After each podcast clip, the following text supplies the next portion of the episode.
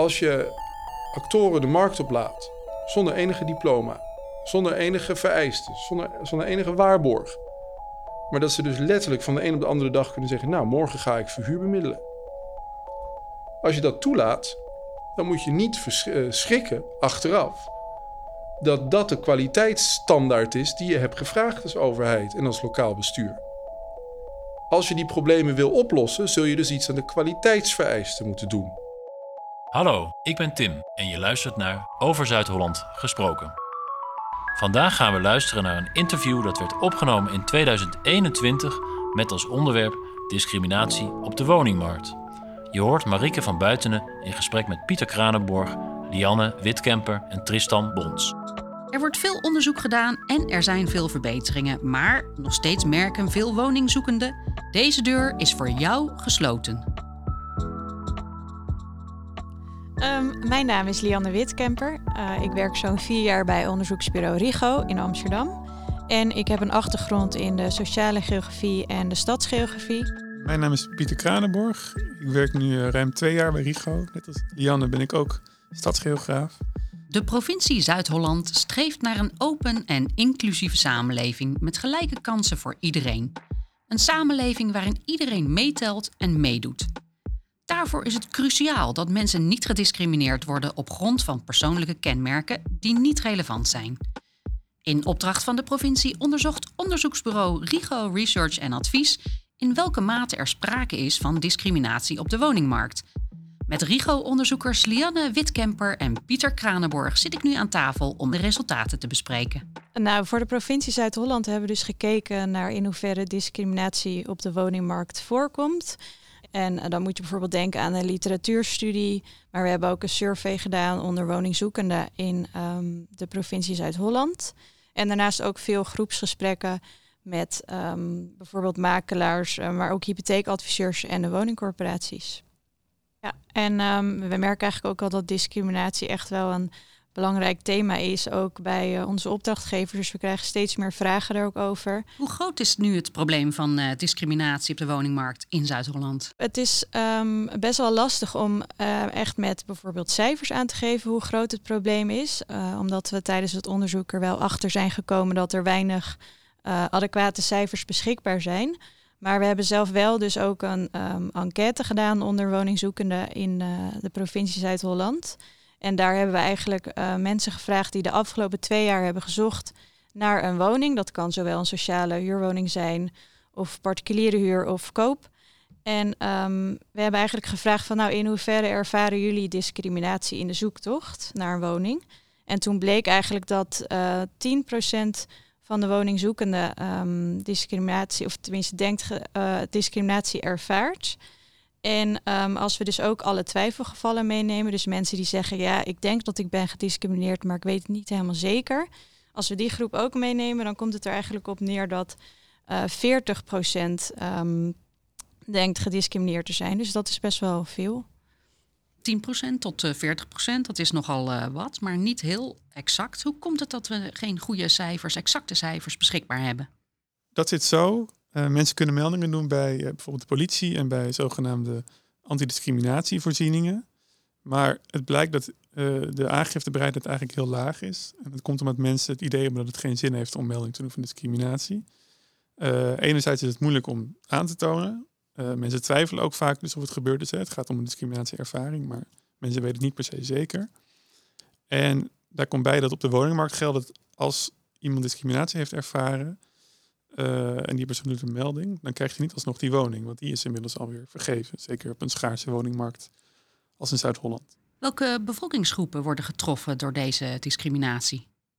Um, nou, uit ons onderzoek blijkt eigenlijk dat um, Vooral uh, leeftijd, geslacht en uh, migratieafkomst er echt toe doen. Daar komt eigenlijk op neer dat bijvoorbeeld vooral jonge mensen vaker discriminatie ervaren dan oudere mensen.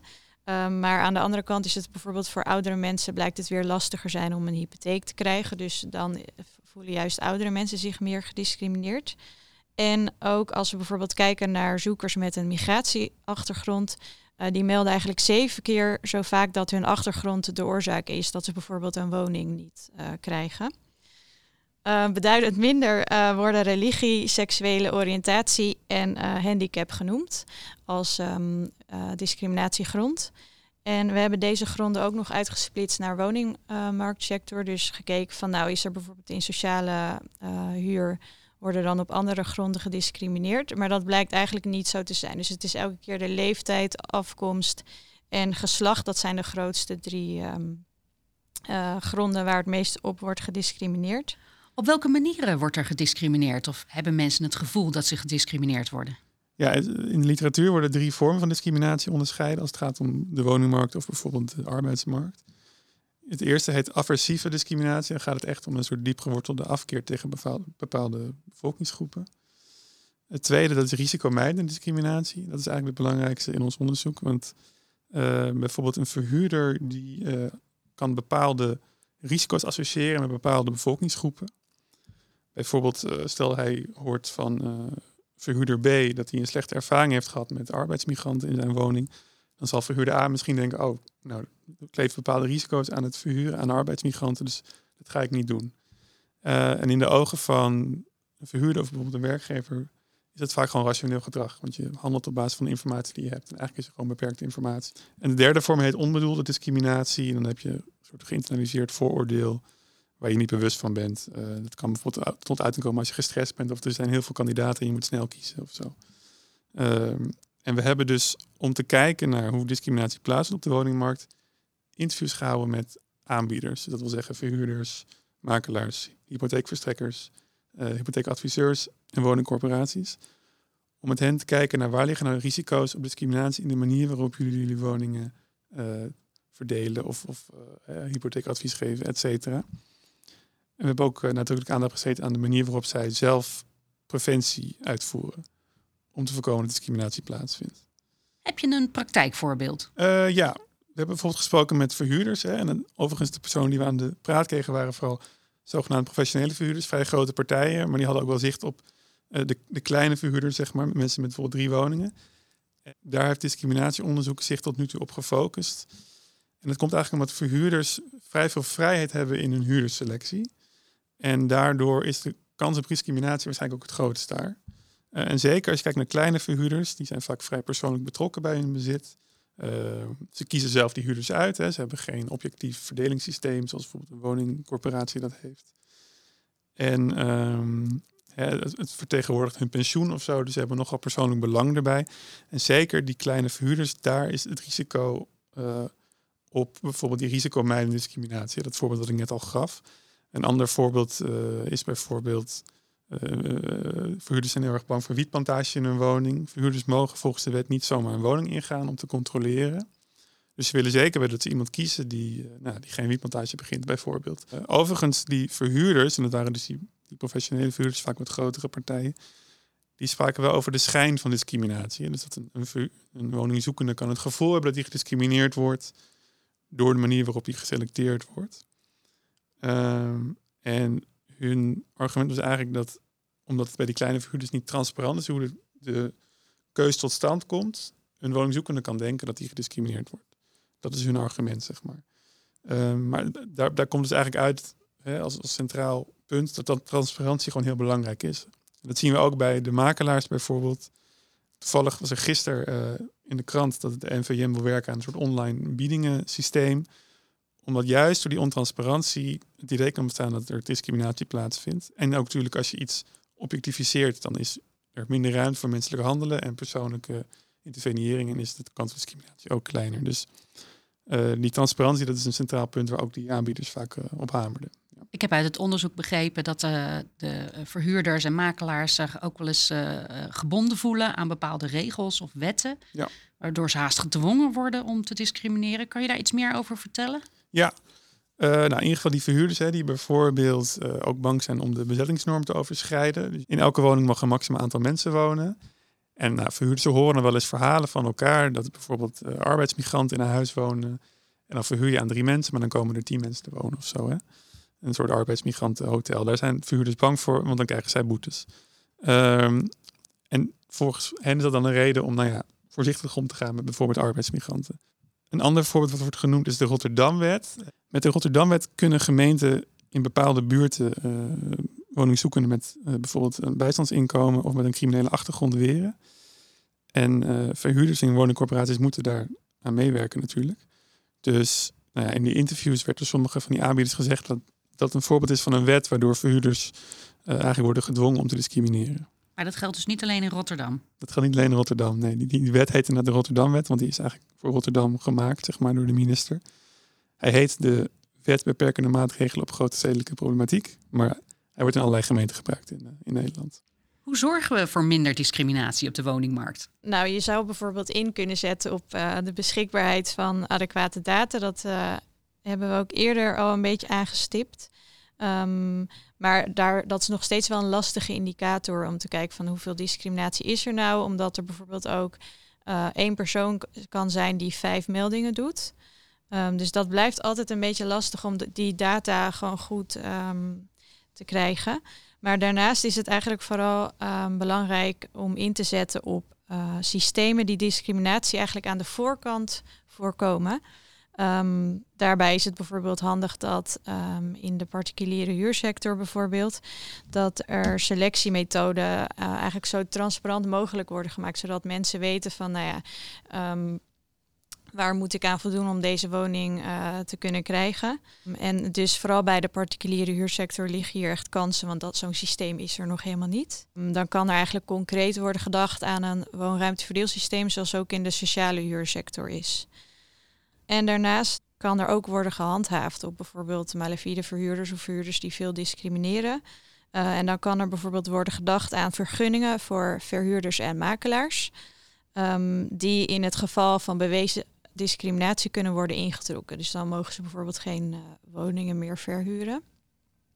Dus op die manier kan je discriminatie ook uh, wat meer inperken. Wat is de rol van de makelaar? Ja, um uit veel onderzoeken blijkt dat makelaars vaak meegaan met discriminerende verzoeken van verhuurders.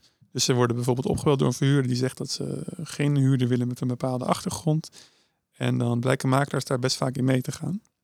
We hebben ook met die makelaars over gehad hoe dat dan komt. Hè? Wat zijn dan die mechanismen daarachter?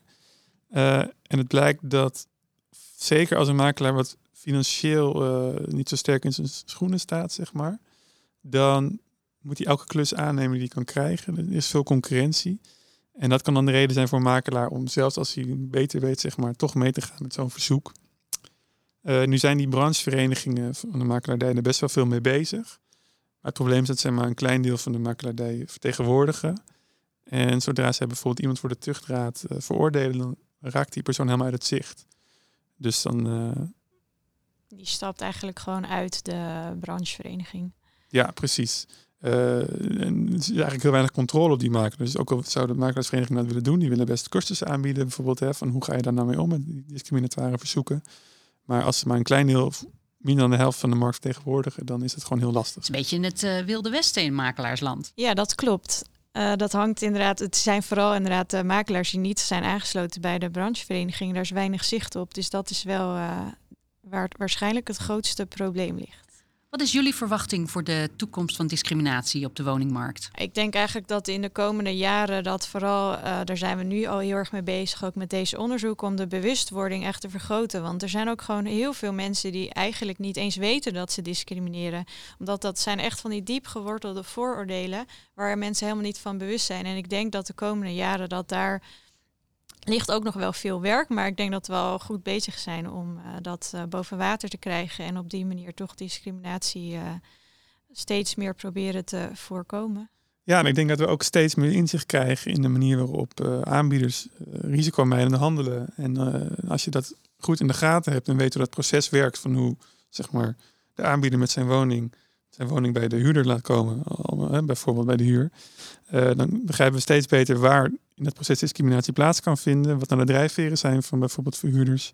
En uh, hoe we daarop kunnen handelen met uh, het beleid dat discriminatie kan voorkomen. Wilde en Pieter, bedankt voor jullie inzichten in dit gesprek. Graag gedaan. Graag gedaan. Er is dus een hoop te doen om discriminatie op de woningmarkt tegen te gaan. Wat kunnen makelaars hierin betekenen? Om een antwoord op die vraag te vinden gaat Michiel langs in Nooddorp, waar hij heeft afgesproken met Tristan Bons van VBO. VBO is, de, is een branchevereniging van uh, makelaars en taxateurs. En wij behartigen de belangen van onze leden, zijn de makelaars en taxateurs. En, uh, Tristan Bons is manager Public Affairs bij VBO, een van de drie brancheorganisaties voor makelaars die Nederland rijk is. Dus daar zetten wij ons voor in. Ik wil graag van hem weten hoe hij de rol van de makelaar ziet in de hele discriminatie- en racisme-kwestie op de huurwoningenmarkt. Wat merken zij van de mystery calls en de onderzoeken? En zit er een beetje schot in de zaak? Wat merken jullie daarvan en wat, hoe komen jullie dat tegen? Nou, wij zijn betrokken bij een aantal uh, lokale projecten, maar we houden ook ons nationaal bezig met het probleem discriminatie op de huurmarkt. Uh, en wij kijken naar de verschillende onderzoeken die zijn gebeurd en wij, wij focussen op uh, voornamelijk oplossingen voor deze problematiek. Um, en kijken dus ja, welke rol kan, kunnen onze leden hierin betekenen. Uh, er wordt steeds meer gevraagd eigenlijk van onze leden. En dan gaan wij kijken, oké, okay, als die maatschappelijke rol wordt gevraagd van makelaars, hoe pak je die dan op? Wat zijn de oplossingen die jullie zien? En wij kijken eigenlijk naar drie uh, specifieke oplossingen. Eén is een inschrijving in een register met SCVM, de zogenaamde huurkamer. Het tweede is het gebruik maken van een platform. En het derde is onder tuchtrecht vallen. Dat zijn, de, dat zijn eigenlijk de drie stappen die wij denken die echt een significant verschil kunnen gaan maken uh, als het gaat om uh, vooroordelen, discriminatie op de, op de huurmarkt. Nummer één is dus het inrichten van een huurkamer van, uh, bij de SCVM. Het SCVM is een register, een kwaliteitsregister voor makelaars, dat op de woningmarkt al, al heel lang toegepast wordt. Um, en eigenlijk is het raar dat huurmakelaars daar niet of nog niet invallen. Dus hebben wij gevraagd aan SCVM kunnen jullie ook iets betekenen voor die huurmakelaars? Kunnen jullie daar een huurkamer, zoals dat dan heet, voor inrichten? Nou, dat, dat, uh, dat, dat, dat, daar waren ze enthousiast over. En dat, dat is nu dus ook ingericht. Per 1 januari staat die. Die huurkamer laat alleen mensen toe die voldoen aan een race van kwaliteitseisen. Uh, dus iemand die wil gaan huurmakelen en die wil een, uh, voldoen aan een, aan een aantal kwaliteitseisen, um, die kan zich daar inschrijven.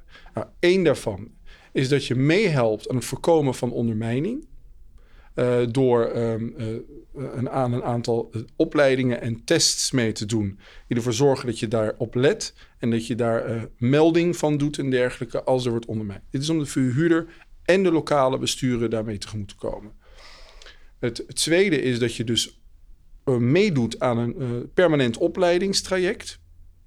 En het derde is dat je um, een gedrags- en beroepscode onderschrijft die, um, uh, nou ja, waarin je discriminatie en racisme uh, op, op grondige wijze afwijst.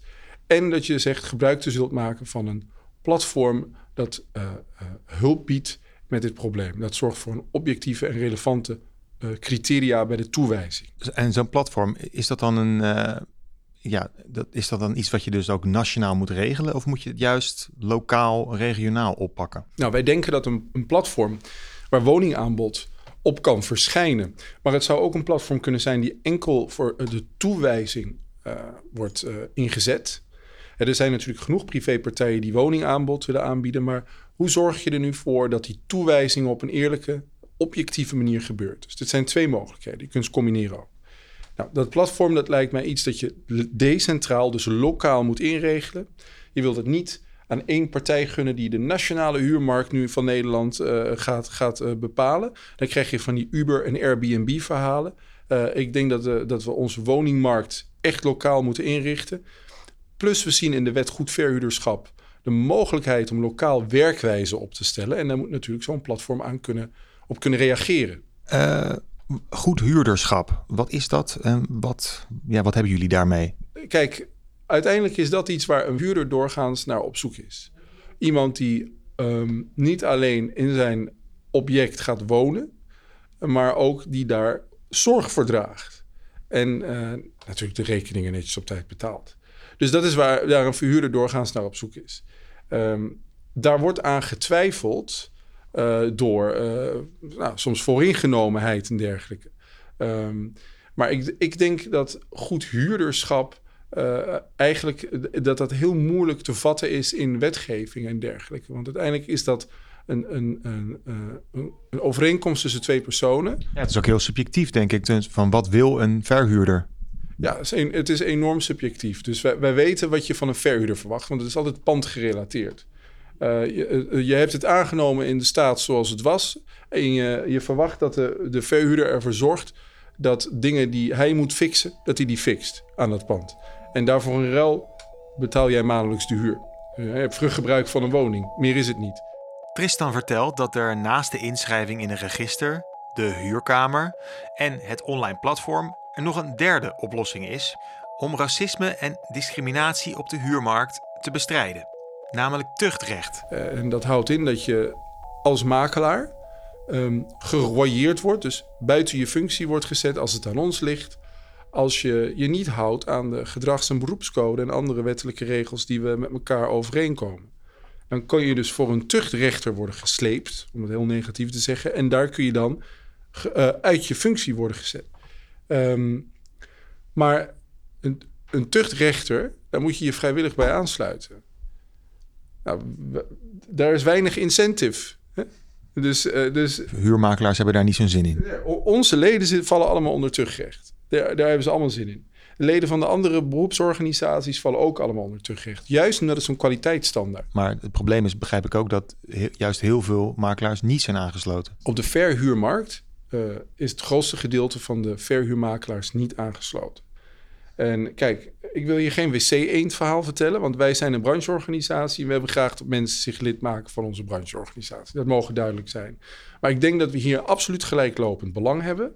In die zin dat wanneer mensen zich aansluiten bij een beroepsorganisatie, dat zij dan ook onder tuchtrecht vallen. En dat dus bij een klacht er veel gemakkelijker, zonder dat je een heel civiel-rechtelijk traject af moet, naar een tuchtrechter kan worden gestapt en gevraagd kan worden: klopt, is mijn klacht ontvankelijk en wil je die alsjeblieft behandelen? Ik kan me er iets bij voorstellen dat uh, makelaars dus inderdaad wat je net noemt, de incentive niet hebben, omdat ze toch wel hun woningen kwijt kunnen, omdat de woningmarkt, zowel koopwoningen als huurwoningen, gewoon uh, op een soort kookpunt zit.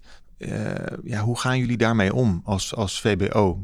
Hoe krijg je die makelaars dan zover om zich toch aan te sluiten? Ik denk dat, het op, dat we op dit moment in een, op een uh, keerpunt staan. In die zin, als er iets aan de hand is met de makelaars, dan kijken jullie ook naar ons. Dan zeggen wij, ja, het grootste gedeelte van de huurmakelaars is niet bij ons aangesloten. Um, maar we doen daar wel de woordvoering voor. Dus zeggen wij, luister, kijk, um, uh, wat ons betreft, die kwaliteitsstandaard, dat dat juist de norm moet worden waaraan je voldoet. En dat dat ook aan de verhuurderkant duidelijk is. En ik geloof ook dat andere brancheorganisaties daarmee bezig zijn. Maar ik denk dat wij uh, op dit moment voorlopen op die kwaliteitsnormen en hoe wij denken dat je dit oplost. Ik hoor weinig van de andere organisaties, eerlijk gezegd, tot niets. Um, maar welke incentive heeft die verhuurmakelaar nou? Nou, ik denk dat je op den duur buiten de boot valt. Ik denk, ik denk dat je op den duur zegt van nou, uh, ja, leuk dat je ook wat bij hobbyt en bij klust. Maar dit is niet serieus te nemen. Het, klinkt alsof die brancheorganisaties misschien ook nog meer samen zouden moeten optrekken hierin. Uh, kijk, er zijn, drie, er zijn drie voornamelijke brancheorganisaties in de, in de woningmarkt. MVM, dat is eigenlijk meer een bedrijf, maar goed. MVM, uh, uh, VBO en Vastgoedpro. Uh, Vastgoedpro is daarmee de kleinere, VBO is de middelste en MVM is de grootste. Um, wij zijn een vereniging puur zang. We hebben geen commercieel belang. Wij hebben een belang bij een stabiele woningmarkt, een eerlijke woningmarkt. Want dan kunnen onze leden het best hun werk doen. Uh, wij hebben geen grote deelnemingen en bedrijven, dus wij kunnen gewoon kijken naar het maatschappelijk belang. Samenwerking met andere brancheorganisaties, wij hebben altijd een uitgestoken hand. Maar dat vertroebelt vaak weer de belangen. Er zijn brancheorganisaties met hele grote bedrijven in hun aanbod, die misschien wel commerciële belangen hebben, die voorgaan op het maatschappelijk belang. Dus ik weet niet of de, de, de discriminatie en de, eh, het racisme wat je tegenkomt op de huurmarkt, of, of, uh, of je dat door alle brancheorganisaties aan tafel te zetten, dat je dan morgen opgelost hebt. Nee, dat probleem is echt wat ingewikkelder in zichzelf.